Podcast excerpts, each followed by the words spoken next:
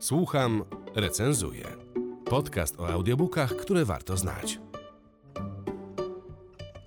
Dzień dobry, z tej strony Rafał Hetman. Witam w kolejnym odcinku podcastu Słucham, recenzuję podcastu przygotowywanego razem z Virtualo. Dzisiaj opowiem Wam o ciekawych książkach popularno-naukowych. Mam dla Was na te książki rabat minus 15% na e-booki i na audiobooki. Szczegóły wyjaśnię na końcu odcinka, a teraz szybko przejdę już do ciekawych książek, jakie dzisiaj dla Was przygotowałem. Mam nadzieję, że Was nimi zainteresuje, bo, bo mnie się te książki podobały. Pierwszą z tych książek jest Prawda Toma Phillipsa. Prawda, a jej podtytuł to Krótka historia wciskania kitów. To jest książka popularno-naukowa, no bo oczywiście jesteśmy w odcinku z książkami popularno-naukowymi. Książka, która pokazuje, jaki często problem ludzkość ma z prawdą, bo okazuje się, że to nie jest tak, że my dzisiaj żyjemy w jakimś wyjątkowym czasie postprawdy, fake newsów. Zawsze fake newsy były, zawsze nieprawdy, kłamstwa istniały w przestrzeni publicznej, tylko po prostu nie nazywały się fake newsami i postprawdami. Philips o tym pisze. Bardzo fajnie pokazuje, że w ogóle korzenie dziennikarstwa umoczone są jak gdyby w zmyśleniach, w półprawdach, mm, w bezmyślnym powtarzaniu niesprawdzonych informacji, a w ogóle umiejętność ubarwiania reportaży była u reporterów ceniona kiedyś. I tak jak teraz bardzo często myślimy o prasie amerykańskiej, że to jest wzór obiektywizmu, e, że prasa amerykańska bardzo dba o fact-checking, czyli sprawdza informacje, które podaje dalej w wielu źródłach. Okazuje się, że nie zawsze tak było, że u początków prasy kłamstwo miało, że się tak wyrażę, dużo do powiedzenia. Ale prawda to nie jest tylko książka o dziennikarzach i o mediach, chociaż te dwa tematy chyba najwięcej miejsca w niej zajmują. Philips pisze też po prostu o pospolitych oszustach, o naciągaczach, o wielkich albo małych przekrętach, które odbyły się na przestrzeni wieków. I co ciekawe, pisze też o tym, że my bardzo często wolimy kłamstwo niż prawdę, bo kłamstwo jest atrakcyjniejsze, a prawda bywa trywialna. Phillips przytacza historię pewnego artykułu, który ukazał się kiedyś w amerykańskiej gazecie, który opowiadał o odkryciu na Księżycu gatunku ludzi, ludzi nietoperzy, którzy właśnie żyją na Księżycu. I to była seria artykułów, w których dziennikarz wymyślał coraz to nowe rzeczy, a kiedy pojawili się inni dziennikarze, którzy próbowali zaprzeczyć że to niemożliwe i że po pierwsze nie było żadnego takiego odkrycia, po drugie, że to niemożliwe, że um, ludzie nietoperze żyją na Księżycu, to tym dziennikarzom bardzo trudno było to kłamstwo odkręcić, bo wielu ludzi uwierzyło w to, że ludzie nietoperze rzeczywiście istnieją na Księżycu. Jeżeli macie ochotę na lekką, całkiem przyjemną lekturę popularno-naukową, i nie przeszkadza wam, że czasami autor lubi sobie w jakiś sposób, no moim zdaniem nie zawsze śmiesznie zażartować, to ta książka może być dla was. Prawda? Krótka historia wciskania kitu Tom Phillips. Mam dla was fragment tej książki. Przez długi czas ludzie poświęcali mnóstwo wysiłku próbom sklasyfikowania rodzajów fałszu. Był to swego rodzaju teologiczny odpowiednik pisania listy BuzzFeed – już roku pańskiego 395 święty Augustyn ogłosił zidentyfikowanie ośmiu rodzajów kłamstwa i podał je w kolejności od najgorszych po te bardziej niewinne. Kłamstwa w nauczaniu religijnym, kłamstwa, które krzywdzą innych i nikomu nie pomagają, kłamstwa, które krzywdzą innych i komuś pomagają, kłamstwa mówione dla przyjemności kłamania, kłamstwa mówione po to, żeby zadowolić innych w gładkiej rozmowie, kłamstwa, które nikogo nie krzywdzą i pomagają komuś materialnie, Kłamstwa, które nikogo nie krzywdzą i pomagają komuś duchowo. Kłamstwa, które nikogo nie krzywdzą i chronią kogoś przed cielesnym splugawieniem.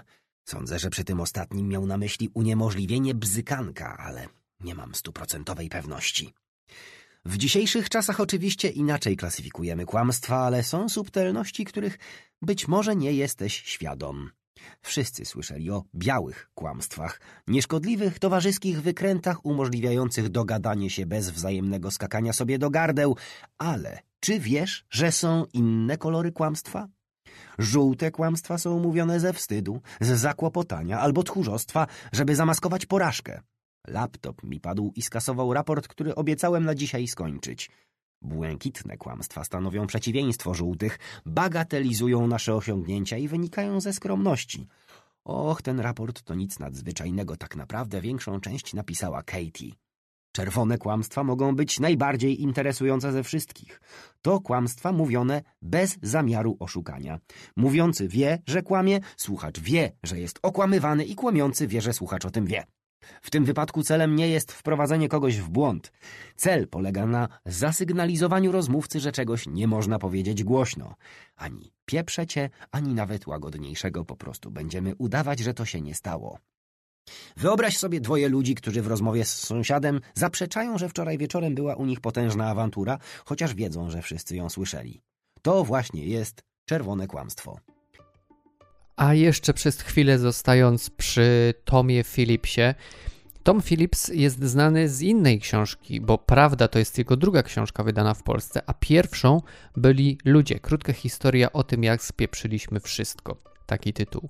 I znowu, mamy tutaj do czynienia z książką popularno-naukową o najbardziej spektakularnych, o dziwnych, czasami przypadkowych, katastrofalnych porażkach, które przeżyli ludzie, których doświadczyła ludzkość.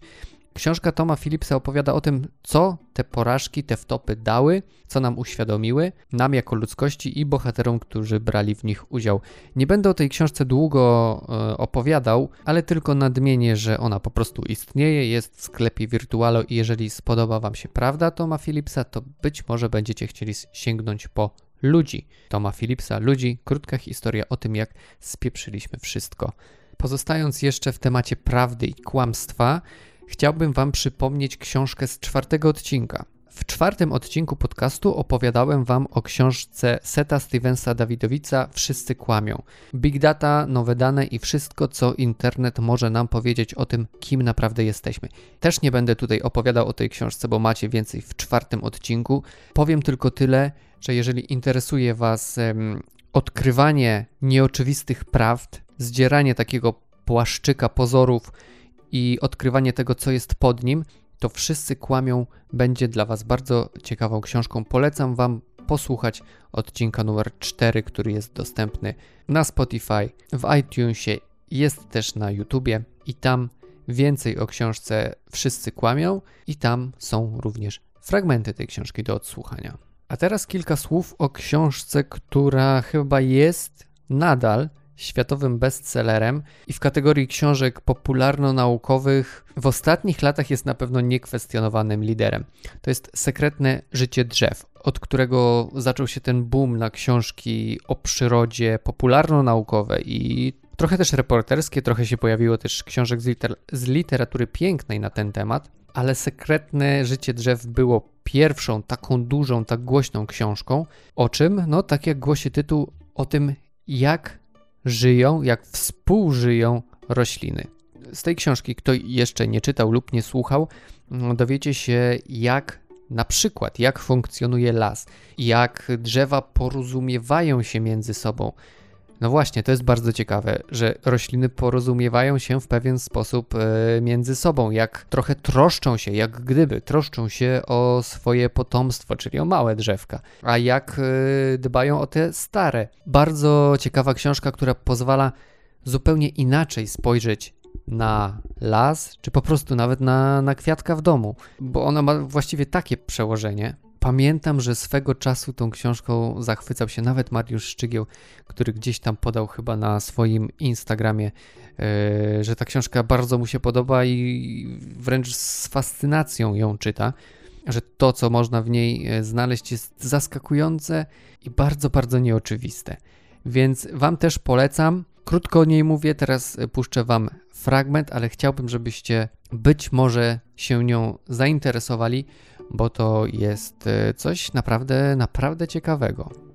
Na przykład dęby nasączają korę i liście gorzkimi i trującymi garbnikami. Zabijają one żerujące owady, bądź też przynajmniej zmieniają smak liści i kory do tego stopnia, że pyszna sałatka zamienia się w żrącą żółć. Wierzby wytwarzają do obrony salicynę, która działa podobnie. Akurat na nas, ludzi, nie. Herbatka z kory wierzbowej może uśmierzyć ból głowy oraz gorączkę i uchodzi za poprzedniczkę aspiryny. Tego typu obrona naturalna wymaga czasu. I dlatego kluczowe znaczenie ma współpraca na wczesnym etapie ostrzegania. Tu jednak drzewa polegają nie tylko na drodze powietrznej, bo wtedy przecież nie wszyscy sąsiedzi zwietrzyliby niebezpieczeństwo. Wolą raczej wysyłać wiadomości także przez korzenie, które łączą w sieć wszystkie osobniki i działają niezależnie od pogody. Co zaskakujące, wiadomości są przekazywane nie tylko chemicznie, ale nawet elektrycznie. I to z prędkością centymetra na sekundę. W porównaniu z naszym ciałem to, przyznajmy, ekstremalnie wolno. Jednakże w świecie zwierząt istnieją takie twory jak meduzy czy robaki, u których przewodzenie bodźców jest podobnie powolne. Jeżeli wieści się rozejdą, to wszystkie dęby dookoła zaczynają spiesznie pompować garbniki przez swe żyły. Korzenie drzew sięgają bardzo daleko, dalej niż dwie szerokości jego korony. W ten sposób dochodzi do przecinania się podziemnych odnóg sąsiednich drzew i do kontaktów w formie wzrostów. Zresztą nie w każdym przypadku, bo również w lesie istnieją samotnicy i dziwacy, którzy nie chcą mieć z kolegami nic wspólnego. I ostatnia już książka, której tytuł brzmi Brakująca połowa dziejów. Krótka historia kobiet na ziemiach polskich Anny Kowalczyk. To jest książka ciekawa z tego względu, że uświadamia nam, jak bardzo z męskiego punktu widzenia opowiadana jest historia. To raz. A dwa, pozwala nam poznać kobiety lub też grupy kobiet, które tworzyły historię Polski, historię też Europy, trzeba mm, powiedzieć. I dzięki tej książce zaczynamy zdawać sobie sprawę z tego, jak jeszcze wiele o historii nie wiemy, jak nasza wiedza jest ograniczona i tak jak głosi tytuł, że właściwie nie znamy połowy dziejów naszego kraju, czy po prostu historii ziem polskich, bo, bo w książce autorka Anna Kowalczyk nie pisze wyłącznie o Polkach, ale też o cudzoziemkach, które mieszkały, działały na ziemiach polskich. I muszę od razu powiedzieć, że to nie jest taki leksykon znanych, sławnych postaci. Nie jest to książka taka, w której mm, mamy nazwisko Marii Skłodowskiej-Curie i czytamy jej życiorys. To jest raczej historia Polski opowiedziana przez pryzmat kobiet, kobiet lub grup kobiet, o których się nie mówiło, o których zapomnieliśmy albo o których w ogóle nie wiedzieliśmy. A bardzo często o kobietach, o których wiedzieliśmy, myśleliśmy, że wiemy bardzo dużo. Anna Kowalczyk pisze tak, że dowiadujemy się nowych, ciekawych rzeczy. Można powiedzieć, że to jest książka idealna na Dzień Kobiet, idealna na Dzień Matki, ale tak sobie teraz myślę, że to jest książka idealna na każdy czas, bo nie może być tak, że o kobietach, które włożyły tak ogromny wkład w rozwój naszego kraju, myślimy tylko od święta. Więc y, czytajcie lub słuchajcie tej książki, kiedy tylko możecie. Słuchajcie sami, słuchajcie same, słuchajcie ze swoimi dziećmi. Polecam bardzo serdecznie. Bardzo nieoczywista książka o historii Polski. A teraz krótki fragment. Nietypowy grup kobiety żyjącej prawdopodobnie między końcem XII a początkiem XIV wieku przebadała niedawno archeolożka z Uniwersytetu Mikołaja Kopernika w Toruniu, Magdalena Matczak. Ustaliła, że cierpiąca na gigantyzm i prawdopodobnie jakiś rodzaj zaburzeń psychicznych kobieta w chwili śmierci mierzyła 215 cm wzrostu i miała nawet 25 do 30 lat. Jej niedbały pochówek w średniowieczu grzebano ludzi w pozycji wyprostowanej, na plecach, z rękami wzdłuż ciała lub dłońmi spoczywającymi na miednicy. Tymczasem gigantka leży na boku ze zgiętymi rękami i jedną nogą. Nie musi jednak oznaczać, że z powodu swojej choroby była prześladowana. Przeciwnie, wiele wskazuje na to, że otaczano ją opieką, chociażby w czasie gojenia się złamań oraz podczas przebytego zapalenia płuc. W jednym z wywiadów badaczka wyjaśniała. To, że była niepełnosprawna, wcale nie oznaczało, że musiała zostać wykluczona ze swojej społeczności. Może nam się od razu kojarzyć starożytna Sparta, gdzie niepełnosprawne noworodki zrzucano z urwiska, ponieważ tamtejsza społeczność uznawała je za nieprzydatne. Jednak w średniowieczu niepełnosprawność nie stanowiła przyczyny dyskryminacji. I to już wszystko w dzisiejszym odcinku. Bardzo dziękuję Wam za uwagę. Bardzo się cieszę, że słuchacie tego odcinku do końca. I teraz dla tych, którzy wysłuchali go do końca, informacja o rabacie. Tak jak powiedziałem na początku, mamy dla Was 15% rabatu na e-booki i audiobooki popularno-naukowe. Kod, co ważne, kod jest ważny do 4 kwietnia, do końca dnia. Przy zamówieniu trzeba wpisać kod NAUKA i on wygeneruje te 15% zniżki. Link do wszystkich tytułów, które ten kod NAUKA przecenia, znajdziecie w opisie odcinka, więc zajrzyjcie do niego, kliknijcie, wejdźcie i zamówcie sobie książki, które Was zainteresowały. W następnym odcinku opowiem Wam o ciekawych książkach z Dalekiego Wschodu. To znaczy nie o książkach, które przyszły do nas z Dalekiego Wschodu, chociaż chyba jedna taka będzie, ale przede wszystkim o książkach, które opowiadają o Dalekim Wschodzie. Więc wydaje mi się, że to będzie również bardzo ciekawy odcinek, w którym pojawi się sporo ciekawych i nieoczywistych książek. Serdecznie zapraszam. Bardzo dziękuję Wam za dzisiaj. Do usłyszenia w następnym odcinku.